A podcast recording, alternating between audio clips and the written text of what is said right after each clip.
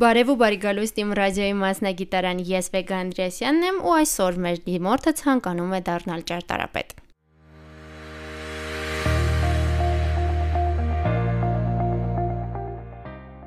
Ողջույն, իմ անունը Արշա Լույս է, ես ուզում եմ դառնալ ճարտարապետ։ Եվ ուզում եմ մնամ արդյոք Հայաստանում կարելի է ստանալ լավ կրթություն այդ ոլորտում, ինչպես նաև հետագայում լավ գումար վաստակել։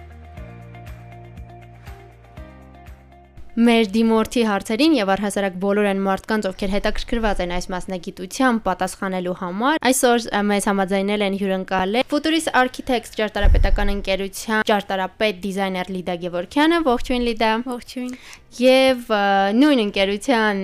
ճարտարապետ, ինչպես նաև ճարտարապետության եւ շինարարության Հայաստանի ազգային համալսարանի ուսանող Վիկա Դեմիրճյանը, ողջույն Վիկա։ Ողջույն։ Ինչպե՞ս եք։ Շատ լավ, շնորհակալություն դուք։ Ես էլ եմ լավ, շնորհակալ եմ, որ ժամանակ գտաք մեզ հյուրընկալվեցիք։ Ես գիտեմ, որ բավականին զբաղված շրջան է ձեր գրասենյակում եւ լիքը հասցնելու բաներ ունեք, այնպես որ շնորհակալ եմ, որ ամեն դեպքում ժամանակ գտաք։ Լիդա, հետաքրքիր է, ինչպես է տեղի ունեցել ձեր մասնագիտական ընտրությունը, ինչու հենց ճարտարապետ։ Ամ Ընտրությունը բավականին դժվար էր։ Մասնագիտությունս այսպես ձևակերպեմ՝ ճարտարապետ, դիզայներ, քանի որ մանկությունից արվեստի մեջ էի, ցանկանում էի այնպիսի ոլորտում լինեմ, որ արվեստի մեջ լինի ու ինձ հերոչ տանի այդ արվեստից դրա համար ճարտարապետ դիզայներ ոլորտի մեջ փորձեցի դրսևորվել ու հիմնական գաղափարը դրանում է կայանում Երևի այդքանը։ Նշեցիք, որ արվեստին միշտ մոտ է կանգնած եղել եւ առհասարակ այն մարտիկ, ովքեր ճարտարապետությանը մոտ են, մենք բոլորս, ես էլ նրանցից գիտենք, որ ճարտարապետ լինելու համար պետք է օրինակ իմանալ շատ լավ նկարել եւ այլն։ Արդյոք սա համապատասխանում է իրականությանը եւ առհասարակ դեռ մինչեւ մասնագիտական ընտրությունը կան ինչ որ հատկություններ, ունակություններ, որ մարդը պետք է ունենա, որպեսզի կարողանա իրեն թույլ տալ այս ոլորտն ընտրել։ Ցանկալի է ունենալ այդ հատկությունները, բայց դա խնդիր չի, այսինքն երբ որ մարդ կարողանա իր վրա աշխատել, իր աշխատասիրությամբ հաստատ կկարողանա հասնել այն ամենին, ինչին որ ցանկանում է, բնականաբար նկարելը, արվեստի մոտ լինելը ավելի կհեշտացնի աշխատանքային process-ում, ավելի հեշտ յուրացնելու առումով, բայց եթե չունես այդ ունակությունները, հաստատ հետագայում աշխատելով քո վրա կկարողանաս այդ ամեն ինչին հասնել դա միանշանակ փաստ չէ։ Վիկա հետաքրքիր է ձեր դեպքում ինչպես է տեղի ունեցել ընտրությունը եւ ինչպես եք նաեւ ընտրել բուհը։ Արդյոք սա Հայաստանի միակ հաստատությունն է ուսումնական, որը այս մասնագետներին պատրաստում է։ Շնորհակալ եմ շատ հարցի համար։ Իմ ընտրության մեջ մեզ ներդրում ունի իմ ընտանիքը նույնպես։ Մեր ընտանիքում կա հատուկ վերաբերմունք դեպի արվեստը եւ ինձ մանկուց սերվանել են այդ սերը։ Դեպի գեղեցիկը, դեպի արվեստը եւ սերմանել են նաև այն հատկությունը, որպես ես կարողանամ նկատեմ իմ շրջա, իմ շրջապատի գեղեցկությունը։ Հիմնական պատճառը սա էր եւ ես նույնպես շատ սիրում էի նկարել եւ զբաղվել արվեստով, որ ընտրությունը գալիս է մանկուց Ճարտարապետության ֆակուլտետ որքան որքանով որ ես տեղյակ եմ, ունի նաև ֆրանսիական համալսարանը, բայց մեր հիմնական կրթությունը այս ոլորտում տալիս է ճարտարապետության եւ շինարարության Հայաստանի ազգային համալսարանը։ Եվ ես սովորում եմ այնտեղ 4-րդ կուրսում, այս տարի ավարտում եմ։ Ամառվա ստիմեցի պրակտիկա Architects, որ որից հետո ստացա աշխատանքի առաջարկ եւ կիրառելով իմ գիտելիքները այնտեղ ես հասկացա, որ ես կարողանում եմ ինքս ինձ ավելի բարելավել իմ հմտությունները եւ կարողությունները ինչը ինձ շատ է օգնում հիմա նույնպես իմ դիպլոմային աշխատանքի ընթացքում Այսինքն խորհուրդ եք տալիս բուհին զուգահեռ փորձել գտնել ընկերություններ, որտեղ հնարավոր կլինի անցնել նաև պրակտիկա։ Իդեպ հետաքրքիր է նաև այս հարցում բուհը որևէ կերպ աջակցում է համապատասխան ընկերություններ գտնելու, թե ուսանողը ինքը պետք է նախաձեռնություններ, նախաձեռնողականությունը վերցնի իր ձեռքը։ Միանշանակ համամիտ եմ այն կարծիքի հետ, որ պետք է սովորելուն զուգահեռ աշխատել, որտեղ ինչպես նշեցի, այն շատ է քեզ զարգացնում եւ քո հմտությունները նախաձեռնությունը դիմել պրակտիկայի դա իմն էր, բուհու ինձ չի աջակցել, բայց ամեն դեպքում այդ նույն քայլը ես խորհուրդ կտամ մնացած բոլոր ուսանողներին եւ դիմորդներին նույնպես, ովքեր մտածում են եւ միտք ունեն մտնել այս ոլորտ, խորհուրդ կտամ միանշանակ զբաղվել կողքից գործով, քանի որ այն կհղկի ձեր հմտությունները եւ կօգնի ձեզ դառնալ ավելի լավ մասնագետ։ Լիդա, ես իհարկե գիտակցում եմ այն ամբողջ պատասխանատվությունը, որ բացի հետաքրքրությունից ունի ձեր մասնագիտությունը, քանի որ ամեն դեպքում ձեր աշխատանքի արդյունքում մարդիկ երկար տարիներ ապրում են այն տներում, որոնք դուք նախագծում եւ որոնց դիզայնով զբաղվում եք, բայց հետաքրքիր է բացի սրանից, որոնք են հիմնական դժվարությունները, որին պետք է պատրաստ լինեն մարդիկ, որոնք ցանկանում են ընտրել այս մասնագիտությունը։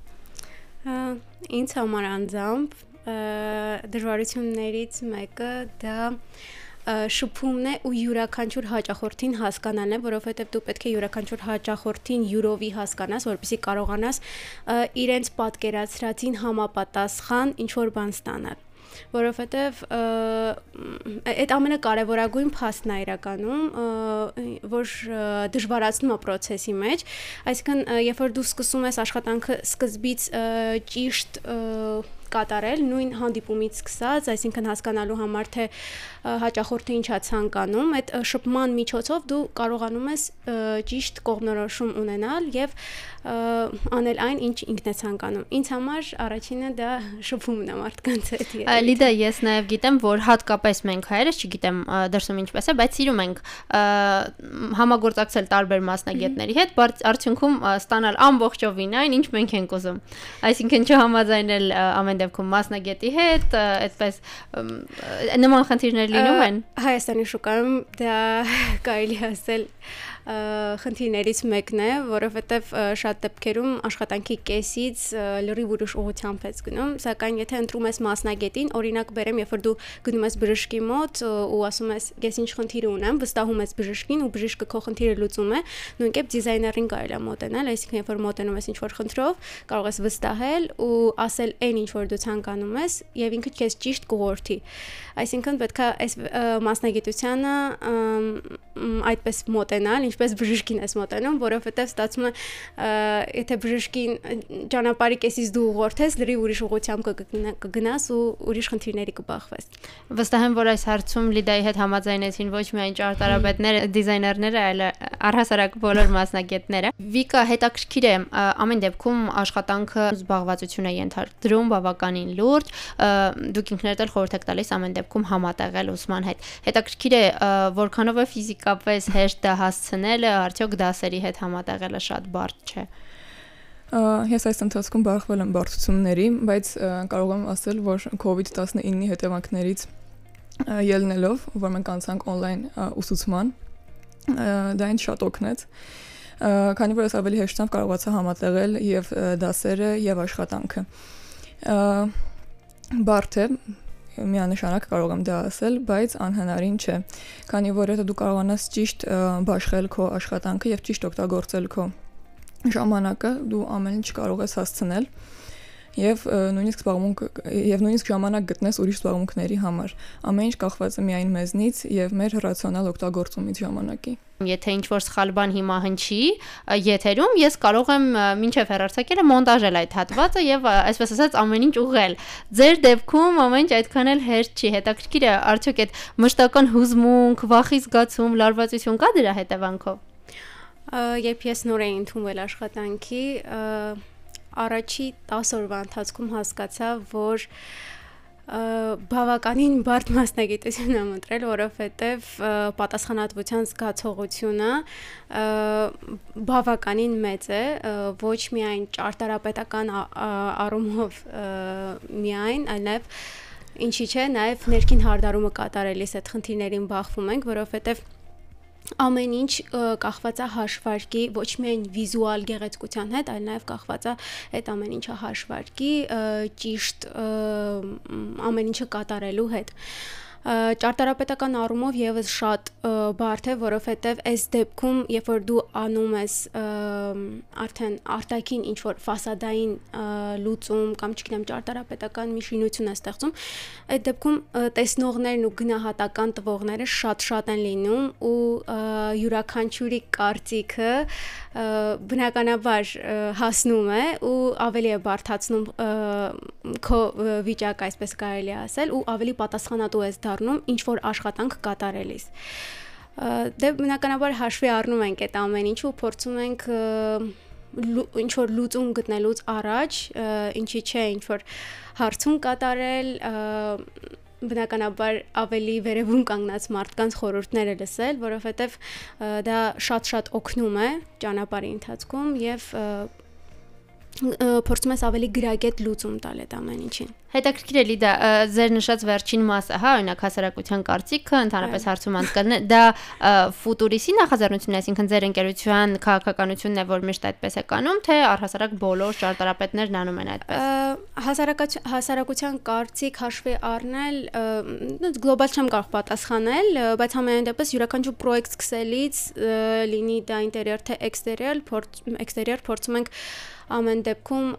ուսումնասիրություն կատարել, այդ ուսումնասիրության արդյունքում ստեղծել այն, ինչ որ պիտի ստեղծենք, որովհետև այդ ուսումնասիրությունը մեզ շատ-շատ հարցերի պատասխան է տալիս ու աշխատանքը շատ ավելի արագ է ստացվում ու շատ ավելի հեշտ Ինչպես հիշում եք, մեր դիմորդին եւ համոզված եմ մասնագիտության հետաքրքրված բոլորին հետաքրքրում է նաեւ ֆինանսական մասը, արդյոք հնարավոր է լավ ճարտարապետ լինելով շատ լավ ապրել Հայաստանում։ Միանշանակ կարելի է արդեն քեզնից է կախված եթե լինես լավագույնը բնականաբար կվարցատրես լավագույնին համապատասխան իսկ եթե ինչ որ մեկը խնդիր է ունենում երկրում օրինակ գումար վաստակելու հետ միանշանակ դրսում աշխատելը թեկուս on-line տարբերակը շատ հեշտացնում է, այսինքն հիմա մեզ ինտերնետը մեր կյանքում ահագին մեծ գործ է անում, այսինքն իմ կարծիքով երևի այնպիսի մասնագիտություն չկա, որ չկարողանա ինտերնետի միջոցով աշխատանք կամ գումար վաստակել, բայց համենայն դեպս Հայաստանի Հանրապետությունում կարծում եմ լավ մասնագետ լինելու դեպքում կկարողանան նորմալ բարձրատրվել ու բավարարի իրեն։ Կուզեի նաև ավելացնել, որ այս մասնագիտությունը, ինչպես մնացած բոլոր մասնագիտությունների, մեծ մասը պահանջում է ինքնազարգացում եւ ինքնակրթություն եւ միանշանակ համաձայն եմ լիդայի հետ, որ կարելի է լավ վաստակել այս ոլորտում նույնպես բայց դա միայն կախված է քո կոմունիկացիայի հմտություններից եւ քո ծրագրային իմացություններից, որովհետեւ առանց ծրագրերի մենք հիմա չենք կարող ուղղակի ինչ-որ բան նախագծել։ Իհարկե Ձերքով սկեչ անելը մեծ կարևորություն ունի, բայց հիմնական նախագծումը ու բոլոր փուլերը անցնում են ծրագրերի միջոցով։ Եվ խորհուրդ կտամ մեր դիմորդներին ինքնակրթվել, զբաղվել իրենց ծրագրային իմացությամբ կատարելագործել այն հասնել մաքսիմալ level-ի եւ չհանձնվել ամենակարևորը։ Շատ լավ աղջիկներ, շատ շնորհակալ եմ եւ ամփոփելով Վիկան արդեն խորհուրդ տվեց, Լիդա կուզեի դուք նույնպես այսպես ձեր խորհրդով հենց նաեւ ամփոփեինք եթերը։ Ինչ խորհուրդ կտաք դուք ապագա ճարտարապետներին։ Միանշանակ խորհուրդ կտամ, որ երկրորդ, երրորդ կուրսից սկսեն աշխատել, որովհետև աշխատանքային պրակտիկան տալիս է այն ամեն ինչը, ինչ որ կարծում եմ չի տալիս համասարանը, որովհետև աշխատանքային պրակտիկայի ընթացքում դու ձեռք ես բերում այնպիսի հմտություններ ու գիտելիքներ, որը որ համասարանը չի տալիս ու շատ կարևոր դեր է կատարում այդ աշխատանքային պրակտիկան, ինչու չէ նաև կողնորոշման մեջ, որովհետև ընթացքում միգուցե եւ դու հասկանում ես, որ այս քո մասնագիտությունը չի ու կարողանում ես միանգամից շեղվել։ Ինչպես նշեց Վիկան, ինքնակրթվել է, ինքնազարգանալը շատ-շատ կարևոր է, որովհետև այս այնպիսի մասնագիտությունն է, որ ժամ առ ժամ աշխարհում ինչ որ բան է փոխվում դեպի նորը, մենք իրականում ցավոք կարող եմ նշել, որ Հայաստան շատ հերույ է, շատ-շատ հետ հետ է իրականում այն առաջատար երկրներից կարծում եմ յուրաքանչյուր մասնագիտությամբ ուղղակի պետք է այդ տեմպին հետևել ու այսպես ասած վազել իր հետևից եւ կարևորը կարծում եմ նաեւ ինքնավստահությունը ինչու ոչ, որովհետև երբ որ ունենում ես ինքնավստահություն, բայց իմացածի շրջանակներում այլ ոչ թե չիմացածի աշխատանքը, այո, աշխատանքը կարողանում ես ճիշտ մատուցել ու ճիշտ տեղ հասցնել, այսպես ասած։ Կարևոր սիրով կատարեն իրանց աշխատանքը, որովհետև երբ որ մի աշխատանքի մեջ սեր լինում է, իրականում այդ աշխատանքը լավագույններից մեկն է լինում, որովհետև որ դու ունենում ես քո աշխատանքի նկատմամբ սեր, հաստատ ված չի կարող լինել։